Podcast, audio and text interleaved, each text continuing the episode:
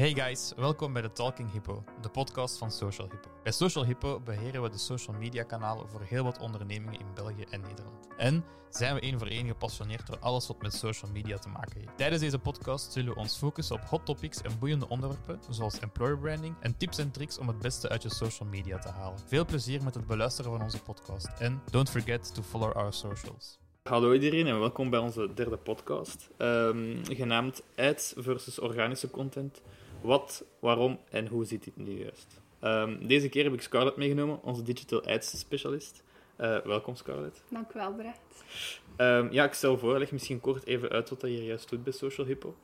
Wel, bij Social Hippo heb ik inderdaad ehm, de titel Digital Ad Specialist. Wat wil dat eigenlijk zeggen? Dat ik insta voor alle advertenties van onze klanten. Dus zowel van de opzet tot de opvolging van de ads. Zowel op social media als eh, op het Google-platform. Oké, eh, volgens mij een hele kluit. Misschien even gewoon kort uitleggen. Um, ja, organisch en betaald bereik, wat bedoelen we daar juist mee?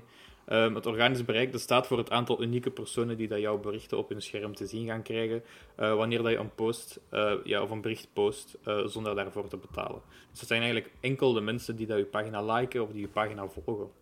het betaald bereik zijn dan het aantal unieke personen aan wie jouw bericht is weergegeven als een resultaat van de advertenties. Uh, met die sponsored ads richt je je dus eigenlijk tot het publiek dat je zelf definieert. Uh, de bereikte mensen uh, zien jouw bericht, maar dat wil niet zeggen dat ze het helemaal zullen lezen of erop zullen klikken.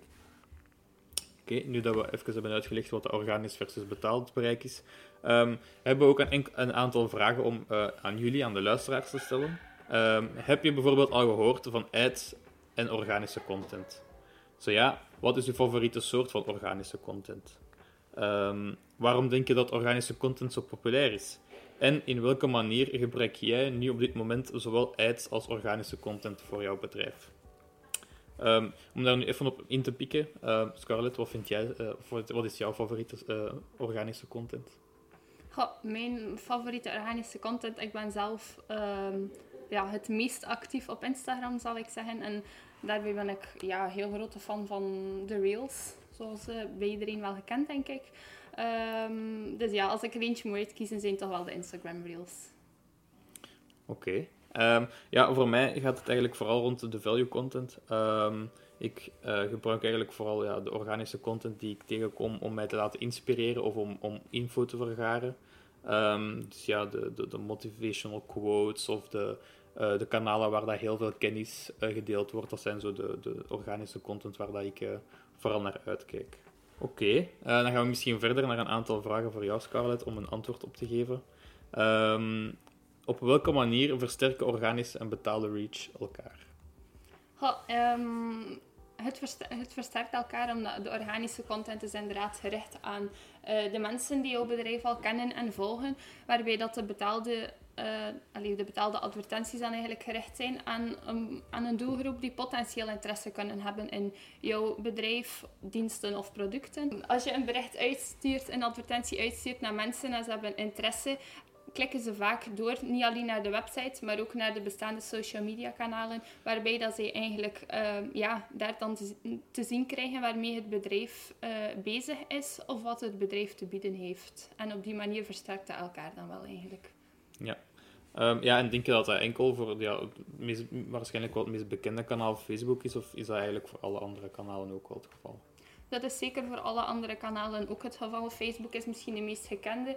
Allee, Facebook is samenhangend met Instagram, maar de dag van vandaag um, heb je ook andere kanalen die steeds groter worden. Ik denk nu aan TikTok bijvoorbeeld. Maar dan ook op LinkedIn um, is dat zeker ook van toepassing. Voor een iets andere doelgroep weliswaar dan Facebook, Instagram en TikTok. Maar het is zeker op alle kanalen wel belangrijk dat zowel organisch en betaalde uh, content een beetje op elkaar zijn afgestemd. En op die ma manier elkaar versterken. Um, Oké. Uh, ja, zijn er tips die je kan meegeven aan anderen die willen beginnen met organische content of die eventueel twijfelen over, um, ja, moet ik nu voor organische content gaan of moet ik nu voor betaalde content gaan? Um, ja.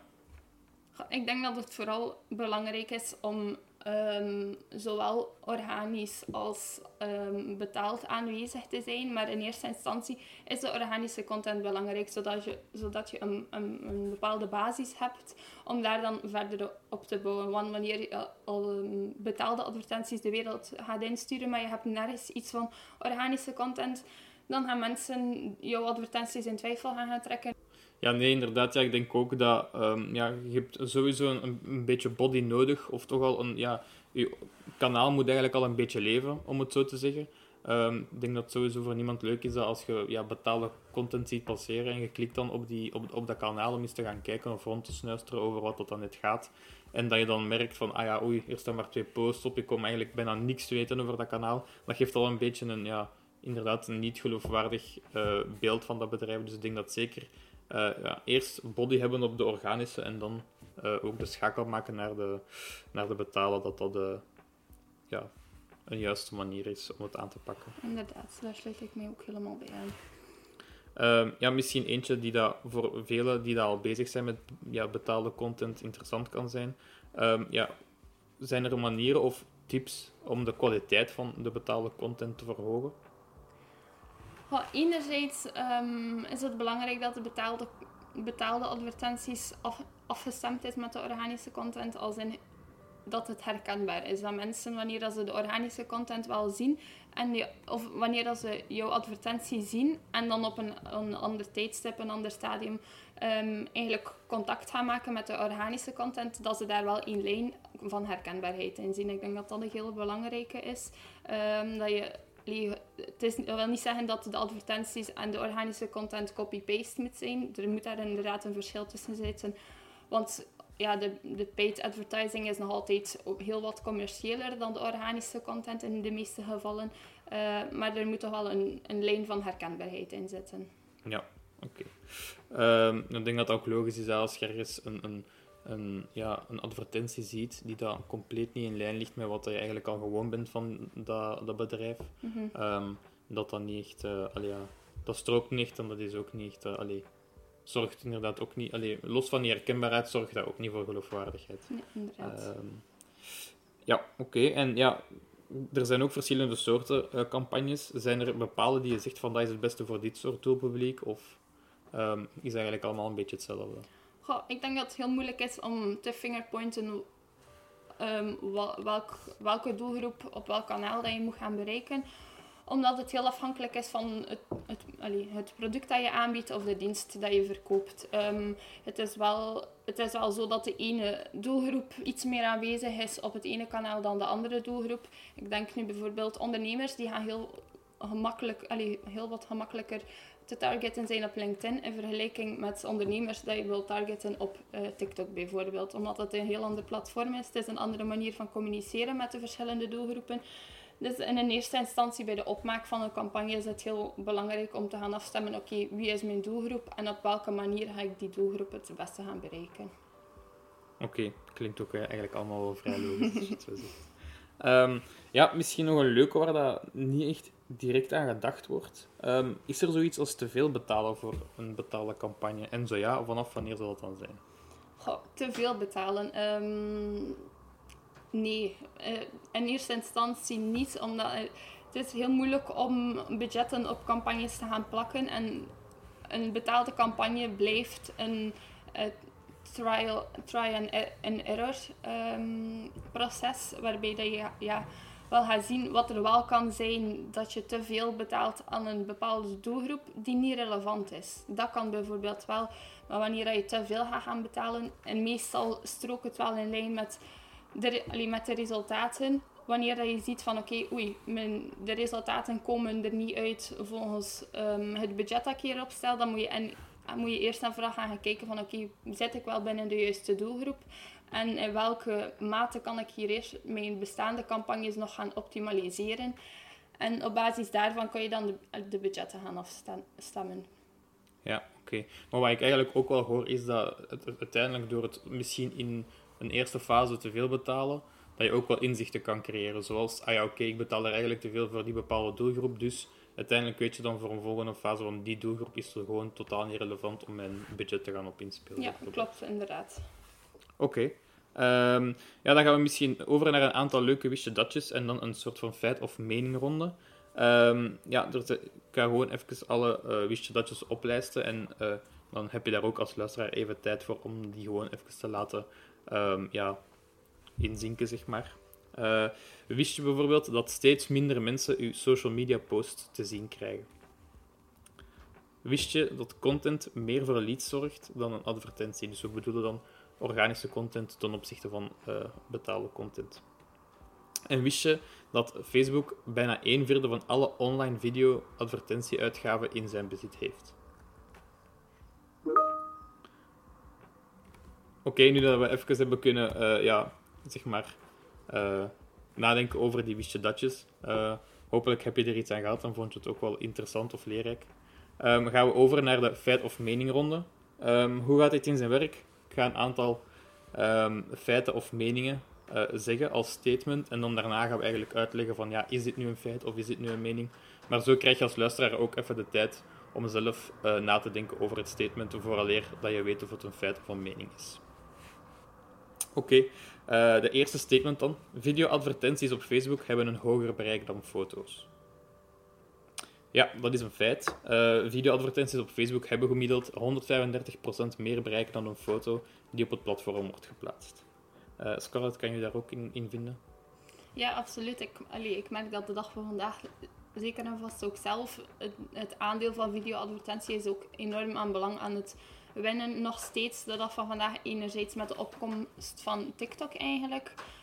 Um, waarbij dat er, ja, allee, TikTok en Instagram Reels, waarbij dat de, switch zowel allee, ook op organisch vlak um, van allee, gewoon beeldmateriaal naar video's um, wordt gelegd. Maar ook ja, zeker in advertenties is dat iets dat de dag van vandaag ja, bijna een must geworden is. Ik denk dat het ook ergens gewoon logisch is. Dat triggert meer omdat dat, dat iets beeldend, dat iets dat beweegt. Inderdaad. dus ja, er is ook wel te verwachten. Uh, volgende statement dan. Um, de niet gepersonaliseerde ads zijn de meest gehate ads. Ja, dat is een mening. Uh, ik heb eigenlijk zelf een beetje de grootste hekel aan niet gepersonaliseerde advertenties. Um, maar, de meest effectief, of de, maar de effectief meest gehate vorm van advertenties zijn eigenlijk de online pop-ups. Um, ja, ik zelf heb daar gewoon een, een, een, ja, een, een hekel aan, of ik vind dat gewoon niet leuk om advertenties tegen te komen waar dat ik totaal niks aan heb. Als ik dan toch geadverteerd ga worden of als ik dan toch in een bepaalde doelgroep zit, dan heb ik liever dat die gepersonaliseerd is en dat ik er eventueel nog een leuk nieuw bedrijf mee leer kennen, dan dat er is, uh, ja, een bedrijf is in Nieuw-Zeeland of zo waar ik totaal niks mee, mee te maken heb. Uh, ik weet niet of dat jij daar ook zo wat denkt, Scarlett. Het woord haten en ads in één zin vind ik heel moeilijk. um, omdat dat, ja, dat is helemaal tegen mijn winkel. En, ja, dat snap ik. Um, ja, ik, verst, ik, allee, ik sluit mij aan bij het feit van ja, gepersonaliseerde ads is heel wat belangrijk. Uh, dat, allee, dat is ook zo. Ik persoonlijk voel me ook heel veel rapper aangesproken wanneer ik um, gepersonaliseerde advertenties tegenkom dan wanneer, dan wanneer het een, een meer onpersoonlijke advertentie is. Um, vroeger werden er heel veel onpersoonlijke advertenties um, gevoerd. Ik denk maar aan de, aan de advertenties bijvoorbeeld die aan de buskotjes hangen. Um, die ene persoon voelt zich daar al veel meer bij aangesproken dan, dan een andere persoon. Maar ja, bij de opmaak van advertenties gaan we inderdaad wel gaan kijken naar de doelgroep. Um, wie is die doelgroep, wat is die doelgroep en wat vindt die, wat vindt die doelgroep interessant. Um, dus houden we daar dan ook wel rekening mee bij het visuele aspect van de advertenties. Um, zodat we ja, de, de doelgroep dat we willen bereiken, dat we die op een leuke, gepaste manier gaan bereiken en aanspreken. Oké, uh, op naar het volgende statement. Uh, het ligt een beetje in lijn met die van hiernet. Uh, er bestaan geen advertenties die door niemand gehaat worden of waar dan niemand een hekel aan heeft. Ja, dat is een mening. Uh, ja, ik geloof gewoon niet dat dat bestaat, dat er uh, een advertentie is waar dan niemand een hekel aan heeft. Um, ja, puur ook door het feit dat er wel ja, altijd mensen zijn die daar een reden vinden om op een advertentie ja, ja, commentaar te geven, zeg maar. maar blijkbaar bestaan die dus wel. Hè. Haten is misschien wel een echt groot woord. Uh, maar 83% van de bevolking ervaart eigenlijk niet alle advertenties als vervelend. Ehm, ja, ik denk dat jij dat ook wel leuk vindt om te horen, Scarlett. Absoluut. En ja, dat mensen commentaar hebben op advertenties op, of op gelijk wat, ja, die mensen zullen er altijd zijn. En die, dat, dat mag, mensen mogen een mening hebben over bepaalde zaken. Um, maar het is ja, ook wel zo, de dag van vandaag worden wij zodanig extreem geprikkeld door heel veel advertenties. Ehm, niet alleen online, ook offline. Waardoor dat de dag van vandaag, ja, de advertenties worden zo persoonlijk gemaakt, omdat we juist een beetje willen afstappen van het onpersoonlijke aspect van advertenties, om zoveel mogelijk mensen te gaan aanspreken. Ja, ervaren, ervaren mensen advertenties misschien steeds minder storend, omdat het soms gewoon niet meer opvalt dat het over een advertentie gaat. Juist omdat de advertentie zo persoonlijk is, dat mensen zich aangesproken voelen, waardoor dat er niet meer omgaat in het hoofd van hey, dat kan eigenlijk wel een advertentie zijn en dat is hier storend. Ik vind dat niet tof om te zien. Nee, ja, dat is denk ik een heel goede um, ja, reflectie. Uh, en natuurlijk ook wel heel leuk om allee, ja, te weten dat als mensen dat dan niet ervaren als storend, um, dat ze ook net meer en meer gepersonaliseerd worden. Um, dus ja. De volgende statement. Uh, de grootste valkuil bij bedrijven is het gebrek aan de lange termijn gedachte. ja, dat is dus een mening. Uh, ik denk dat we alle twee die mening een beetje delen, Scarlett. Mm Inderdaad. Mensen vergeten soms dat een campagne in eerste instantie in een leerfase moet zitten. Um, om de eerste resultaten uit uit de ads eigenlijk te gaan bekijken en op die manier je campagne te gaan optimaliseren. Juist omdat er voor de opmaak van een campagne zijn er geen, ja, er zijn helaas geen richtlijnen van oké, je moet dit doen om die resultaten te bereiken en op die manier. Dat zit er helaas niet in. Dus we gaan bij iedereen, bij elk bedrijf, voor ieder product, voor iedere dienst, moeten we opnieuw gaan, gaan starten om te bekijken van oké, we zetten dit en dit op en laten verschillende dingetjes naast elkaar gaan lopen om te zien wat dat er ook effectief aanslaat. We kunnen gaan denken van oké, dit soort advertentie gaat aanslaan bij die, bij die doelgroep. Maar dan zetten we er vaak gewoon best nog iets anders naast om te gaan zien of dat, dat ook effectief wel zo is. Um, dus vooraleer dat de ads effectieve resultaten opleveren, um, is het gewoon belangrijk om rekening te houden met die leerfase. En zoals ik eerder al aangaf, die ja, try and error blijft heel belangrijk bij uh, campagnes. Niet alleen in de beginfase, maar eigenlijk uh, continu. Dus ja, mijn advies hierbij is dat bedrijven gewoon iets langer mogen doorzetten. Um, bij de, allee, vooral bij de opstart van de betaalde campagnes. Ja, uh, ja ik denk dat dat inderdaad zeker belangrijk is om in acht te nemen. verder zegt bijvoorbeeld AG Consult ook dat een heel grote valkuil voor heel veel mensen is Um, dat men meteen gaat kijken naar de doorklikratio van de advertentie. Um, meer specifiek, um, ja, heel veel mensen uh, gaan wel doorklikken op een advertentie, maar daarvoor levert dat niet altijd iets op. En dan wordt er wel gekeken naar die ratio om te gaan bepalen of dat iets een goede campagne was of niet. En dat is niet altijd de juiste uh, reflectie die je mag maken. ja, ik vergelijk het soms ook zelf een beetje met uh, als, je gaat, als je begint met sporten of begint met diëten en je wilt eigenlijk na een week al al je resultaten zien, dat gaat gewoon niet. Dat is niet logisch. Um, je lichaam heeft tijd nodig om zich aan te passen. En het is eigenlijk pas na ja, die continue doorzetting van een aantal weken of maanden dat je gaat zien dat wat dat je hebt gedaan begint op te leveren.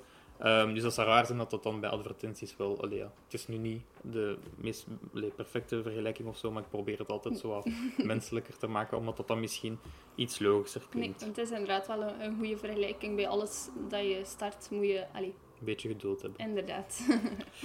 uh, volgend statement. Uh, je kiest zelf je zoekwoorden waarop je wilt gevonden worden bij de Google zoekadvertenties. Ja, dat is gewoon een feit. Uh, het veilingssysteem voor de tekstadvertenties werkt met, een, met het bieden op zoekwoorden. En op die woorden kan een advertentie ingekocht worden, waarbij dat elk woord zijn eigen kost per klik dan heeft. Dat is inderdaad zo. Bij een Google Search advertentie ga je als bij de opzet opstart van je campagne ga je eigenlijk bepaalde zoekwoorden gaan, gaan opgeven waarbij waar, waar, waarop je inderdaad wil adverteren. Um, zijn dat daarom die identieke zoekwoorden dat je, dat je dat je opgeeft, um, dat, de, dat de advertentie enkel en alleen op getoond worden? Nee, ook relevante woorden um, gaan, allee, gaan daar ook onder vallen. Maar het wil niet zeggen, als je bepaalde woorden niet meerekent, dat je daarom niet gaat gevonden worden. Het kan zijn dat, allee, qua SEO geweest, dat je dan wel onder andere zoekwoorden vindt. Maar dat is dan, allee, dat is dan organisch dat je gaat gevonden worden.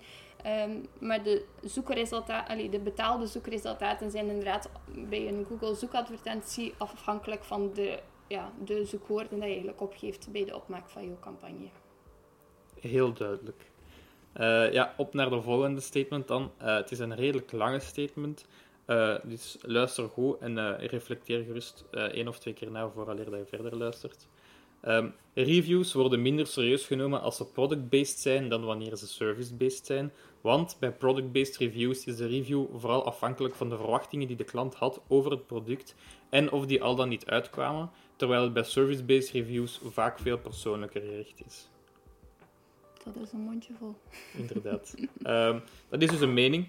Uh, in het algemeen zijn reviews dus wel heel belangrijk, ongeacht of ze nu service- of product-based zijn. Uh, maar dit was mijn persoonlijke mening. Uh, ik heb het veel minder voor product-based reviews dan service-based reviews. Uh, omwille van de statement dat ik hier juist heb voorgelezen. Um, maar het blijkt dus wel dat uh, 91% van de mensen online recensies lezen. En ze hebben hier ook ten, vol, het, volste vertrouwen in dat deze um, ja, gewaar zijn aan de, aan de realiteit. Ik weet niet hoe dat jij daarover denkt, Scarlett. Ik denk dat ik mij daar wel bij aansluit. Um, ik ben nu persoonlijk een persoon die minder rekening houdt met, met de reviews. Maar ik kan er wel in komen dat men, ik ken ook heel veel mensen die ja, dingen gaan, allee, beslissingen maken, vooral qua online aankopen, dan op basis van de reviews. Dus of dat nu te maken heeft met, met een product of een dienst. Mensen, reviews zijn er om enerzijds de geloofwaardigheid van het product of de dienst te weerspiegelen. Um, maar anderzijds, ja, mensen houden, allee, houden graag van andere, allee, andere meningen om te zien of, of ze zich daarbij aansluiten. Ja, uh, ja, ik denk gewoon, allee, ja, ongeacht van een, eh, van een review, dat je ook zelf gewoon altijd de vertaalsleutel moet maken van, ja, heb ik hier echt nood aan of niet? En dan, allee, ja, soms gewoon de sprong durven wagen natuurlijk. Ja, het hangt ook allemaal af van hoe duur dat iets is.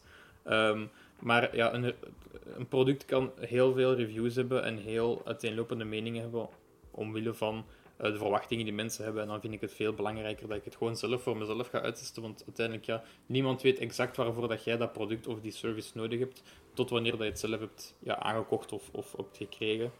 Um, dus ja, ik zou, al, ik, zou altijd ja, reviews wel gebruiken als een, een, start, maar het wel niet als ja, de, de, zeg maar, de end-all, be-all um, gaan gebruiken om te kiezen of dat je een product of een service gaat aankopen. Inderdaad, reviews blijven dan ook een ja, persoonlijke mening en Inderdaad. die kan van iedereen verschillend zijn.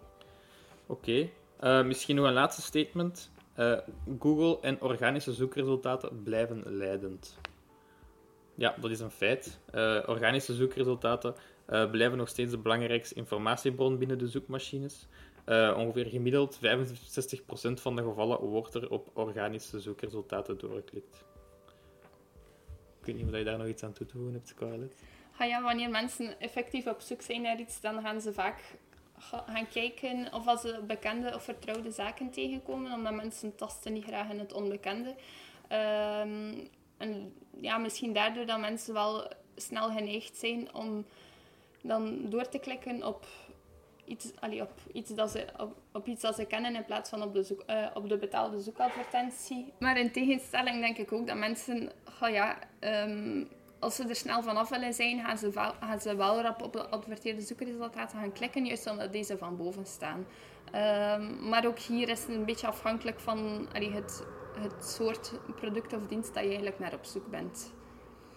Ja, ja uiteindelijk denk ik zelf ook, als ik mijn mening daar een beetje op aansluit, uh, dat dat ook gewoon afhangt van waar dat je inderdaad naar op zoek bent en um, hoe ja, weigerachtig of hoe, um, ja, hoe dat je mening is ten opzichte van um, ja, betaalde zoekresultaten, zeg maar.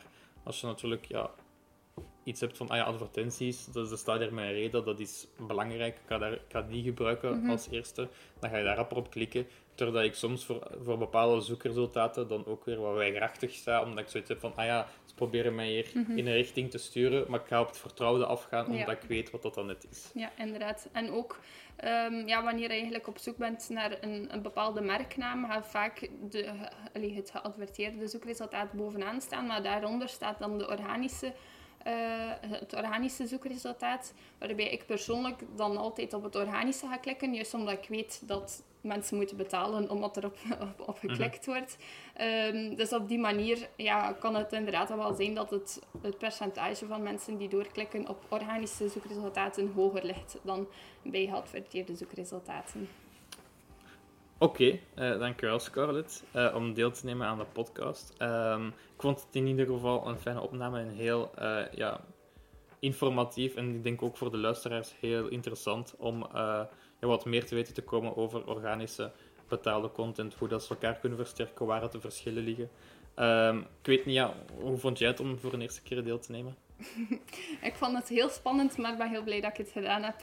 Ik hoop ook dat, allee, dat leerrijk was voor iedereen en dat, ik, allee, dat we het een beetje duidelijk hebben kunnen uitleggen dat het niet te technisch eh beleven is, zodat, allee, zodat iedereen die naar de podcast luistert er iets aan gehad heeft. Maar ik vond het in ieder geval een heel leuke ervaring. Dank u wel voor de uitnodiging. is graag gedaan.